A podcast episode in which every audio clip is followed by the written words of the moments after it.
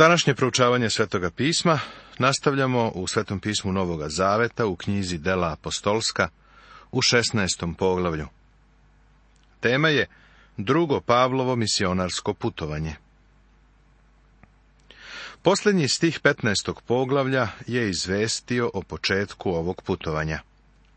Pavle je sa silom prolazio kroz Siriju i Kilikiju i utvrđivao crkve. Od tuda će otići dalje u Galatiju. Pavle će posjetiti Galatske crkve, jer je tu nastao problem sa judaistima. Poslanica Galatima je pismo koje je apostol Pavle uputio njima, odlučno ih upozoravajući da ih ne zavedu oni koji se trude da ih podvedu pod Mojsijev zakon. Ovo je njegovo najsnažnije objavljivanje i odbrana opravdanja verom. Grešnik se ne samo spasava blagodaću kroz veru, nego i spaseni grešnik živi blagodaću. Blagodat je put u život i način života. Dozvoli da ti ponovo predložim da Pavlovo putovanje pratiš na mapi. Otkrićeš da je putovanje sa Pavlom veoma uzbudljivo iskustvo. Na ovom drugom misionarskom putovanju sa njim ćemo putovati u Europu, nakon što je imao viziju čoveka u Makedoniji. Vidjet ćemo kako stiže u Filipe, gde na kraju završava u lokalnom zatvoru. U ponoć se Pavle i Sila mole i pevaju.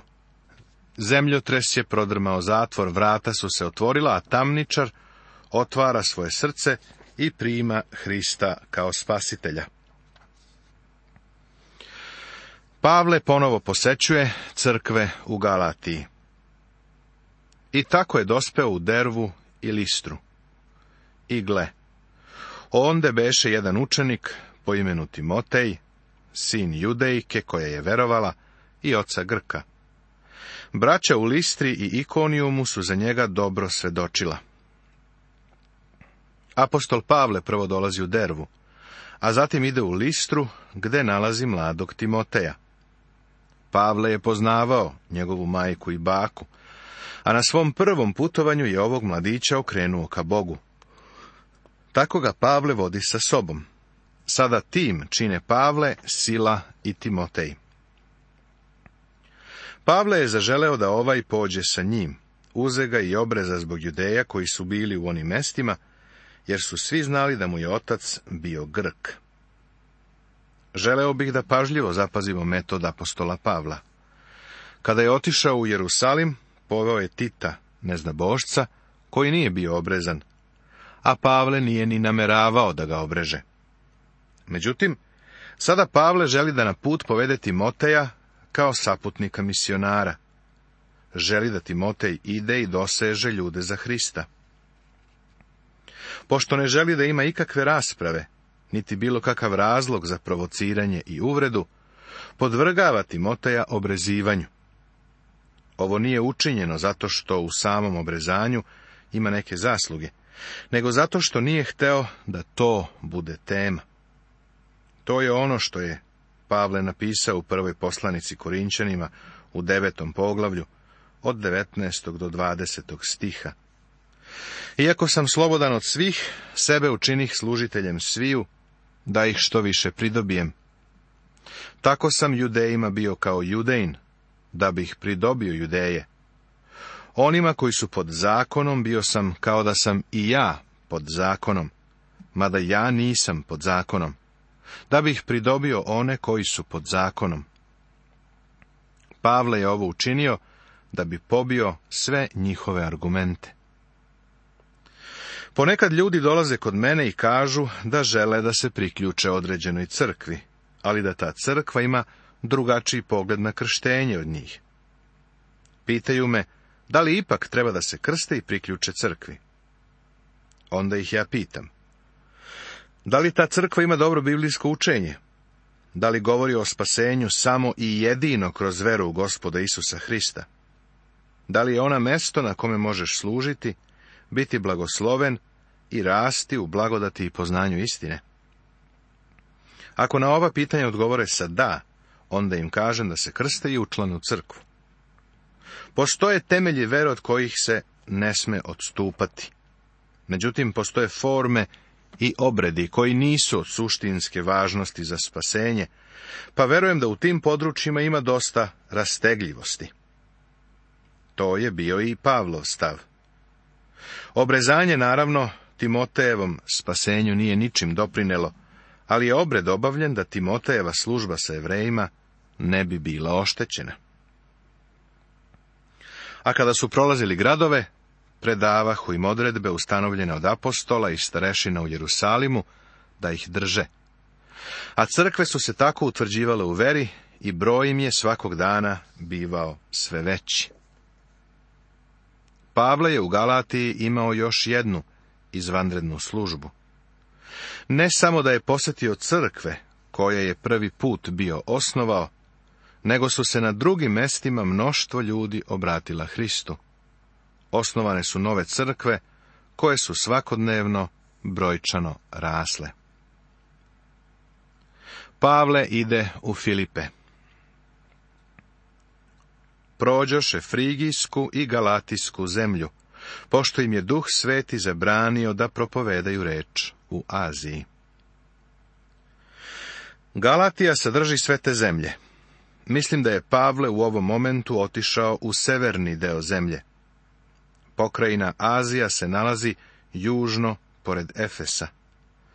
U stvari, Efes je bio glavni grad azijske oblasti. Moguće je da je apostol Pavle planirao da obiđe Malu Aziju. U to vreme to je bila veoma naseljena oblast i zaista je predstavljala centar grčke kulture. Bila je to velika trgovačka oblast, politička i obrazovna oblast. Pavle bi napravio veliki krug putujući od Galatije do Frigije, a zatim južno u Azijsku pokrajinu, pa ponovo u Antiohiju da bi domaćoj crkvi podneo izveštaj. A duh Boži je nešto drugo imao na umu. Piše da mu je duh sveti zabranio da propoveda reč u Aziji. Ovo je stvarno zapanjujuće, zar ne? Pavle je želeo da ide tamo, duh Boži je želeo da se Božja reč propoveda, ali je želeo da Pavle u to vreme bude na drugom mestu. Tako je Pavle prirodno mislio da ako ne može da ide na jug, onda treba da ide na sever. Vitinija je bila na severu duž Crnog mora. I to je bio gusto naseljen centar sa velikom koncentracijom jevreja. To je današnja Turska. A kad dođoše prema misiji, pokušavali su da se upute u Vitiniju, ali im duh Isusov ne dade. Duh im je zabranio da idu na jugu Aziju. Zatim im je zabranio da idu na severu Vitiniju. Pavle je došao sa istoka, kuda da krene? Pa postoji još samo jedan preostali pravac, a to je zapad. Duh sveti je to rekao apostolu Pavlu. Tako je Pavle krenuo na zapad dok nije došao do Troade. Tu je morao da se zaustavi, jer mu je sa tog mesta bio potreban brod za nastavak puta. Pavle nije mogao ni da zamisli šta će raditi ili gde će ići odatle. Prođoše tako pored misije i siđoše u Troadu. Da smo u to vreme zastoja u Troadi sreli Pavla, mogli smo ga pitati, Pavle, gde ideš? Siguran sam da bi odgovorio, ne znam. Bojim se da bismo zatim kazali nešto ovako. Brate Pavle, hoćeš li da kažeš da veliki apostol Božaca, ne zna gde sada ide?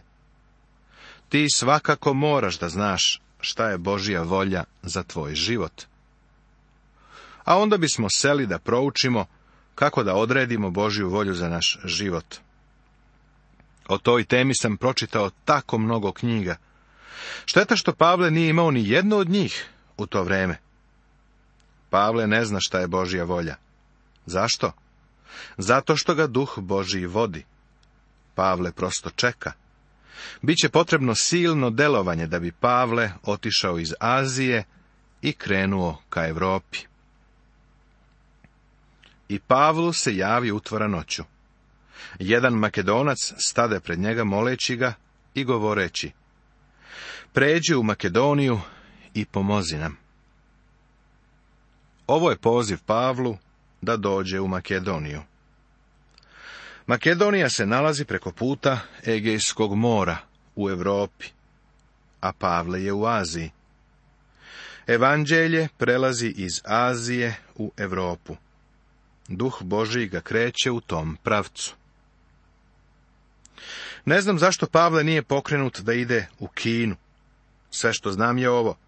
Duh Božiji ga je pokrenuo ka zapadu u Europu. Zahvalan sam Bogu da je tim pravcem otišao.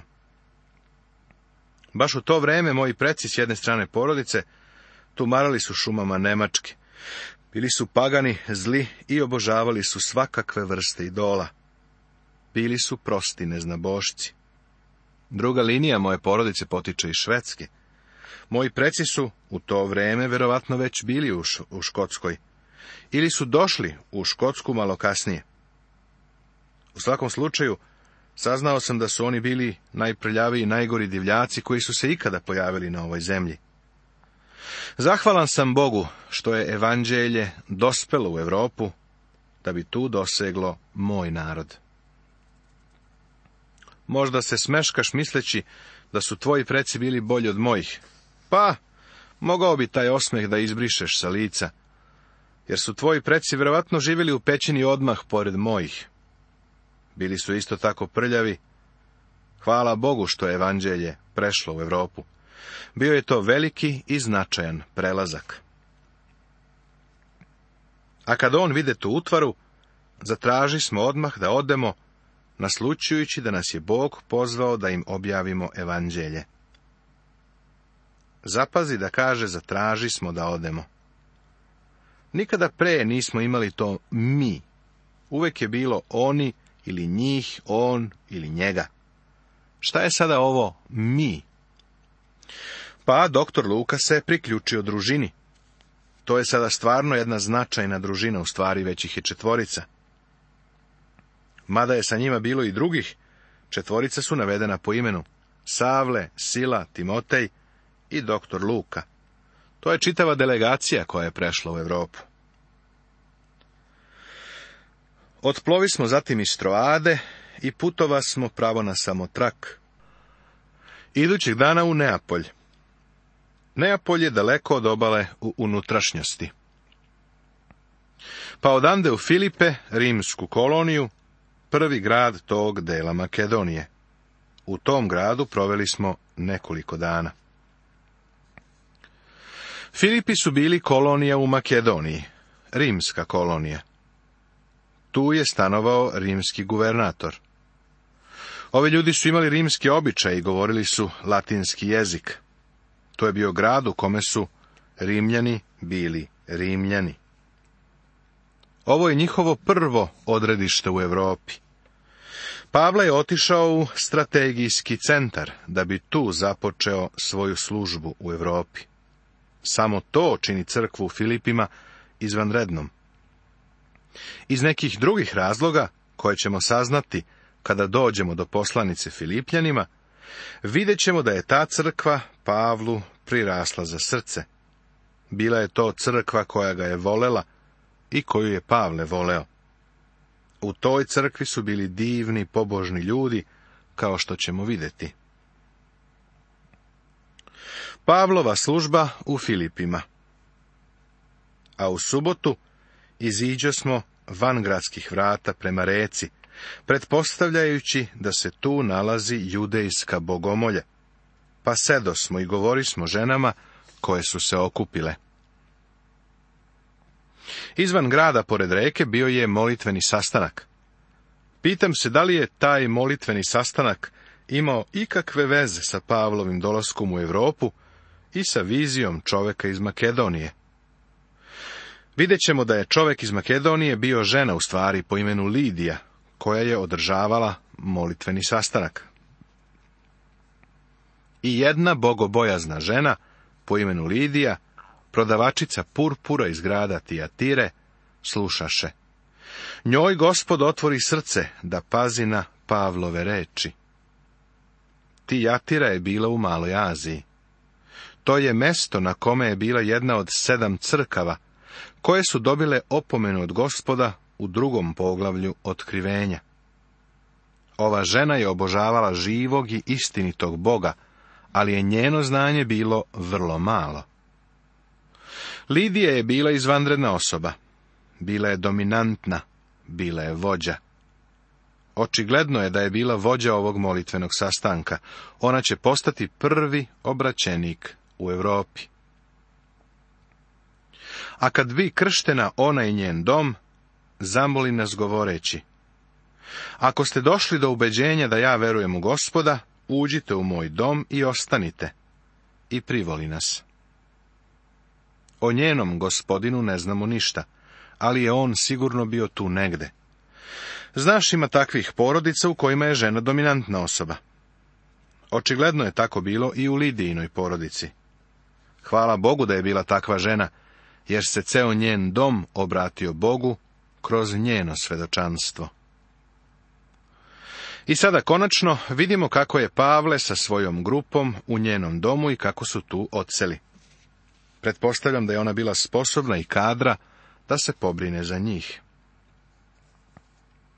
A kad smo jednom išli u Bogomolju, srete nas jedna robinja koja je imala pogađački duh, i koja je gatajući donosila veliki dobitak svojim gospodarima. Nemoj misliti kako je ovo smešno sueverje. Ova devojka je bila opsednuta demonom. I u naše vrijeme imamo ponovno oživljavanje demonizma. Pred sobom imam pismo od jedne hrišćanke iz grada El Paso u Americi. Ulovila se bila u spiritizam iz čiste zabave, ne misleći koliko je to opasno. Njena priča je baš ubedljiva. Reč Božja koju je slušala preko naših radioprograma, oslobodila ju je toga. Demoniziranost je stvarnost.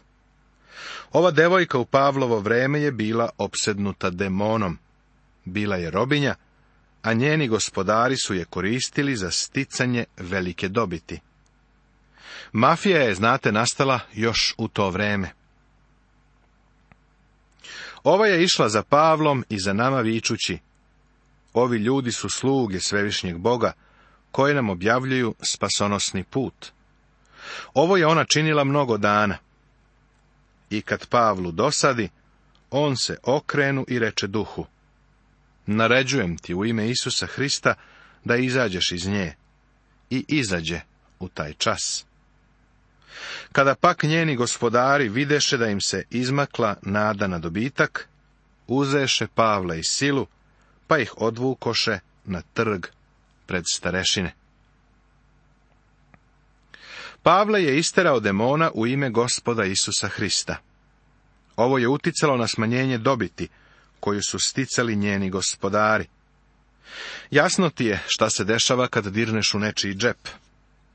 Prema tome, ovi ljudi se sada ozbiljno okreću protiv Pavla i njegove grupe. Pošto su ih priveli zapovednicima, rekoše, ovi ljudi koji su judeji bune naš grad i propovedaju običaje koje mi kao rimljani ne smemo da primimo niti da vršimo. Seti se da su Filipi bili rimska kolonija i da je tu praktikovano rimsko idolopoklonstvo. Pavle i njegovi ljudi su bili optuženi da se trude da to promene. U stvari suština je bila u tome da su devojčini gospodari izgubili izvor zarade. I podiže se narod protiv njih, a zapovednici im zderaše haljine i narediše da ih šibaju. Pošto im udariše mnogo udaraca, baciše ih u tamnicu, te zapovediše tamničaru da ih sigurno čuva. Primivši takvu zapovest, ovaj ih baci u unutrašnji deo tamnice i noge im stavi u klade. Ovi ljudi su pretučeni, leđa su im razderana i okovani su u klade. Oko ponoći Pavle i Sila u molitvi slavljahu Boga, a sužnji su ih slušali. Kako je divno što su pevali pesme slavljenja Bogu, dok su bili u tako jadnoj situaciji. Nije ni čudo što su se vrata otvorila. Ali odjednom bi snažan potres, tako da su se poljuljali tamnički temelji. Vrata se odmah otvoriše i svima spadoše okovi, tamničar pak, probudivši se i videvši otvorena tamnička vrata, izvuče mač i htede da se ubije, misleći da su sužnji pobegli. Nastavit će se.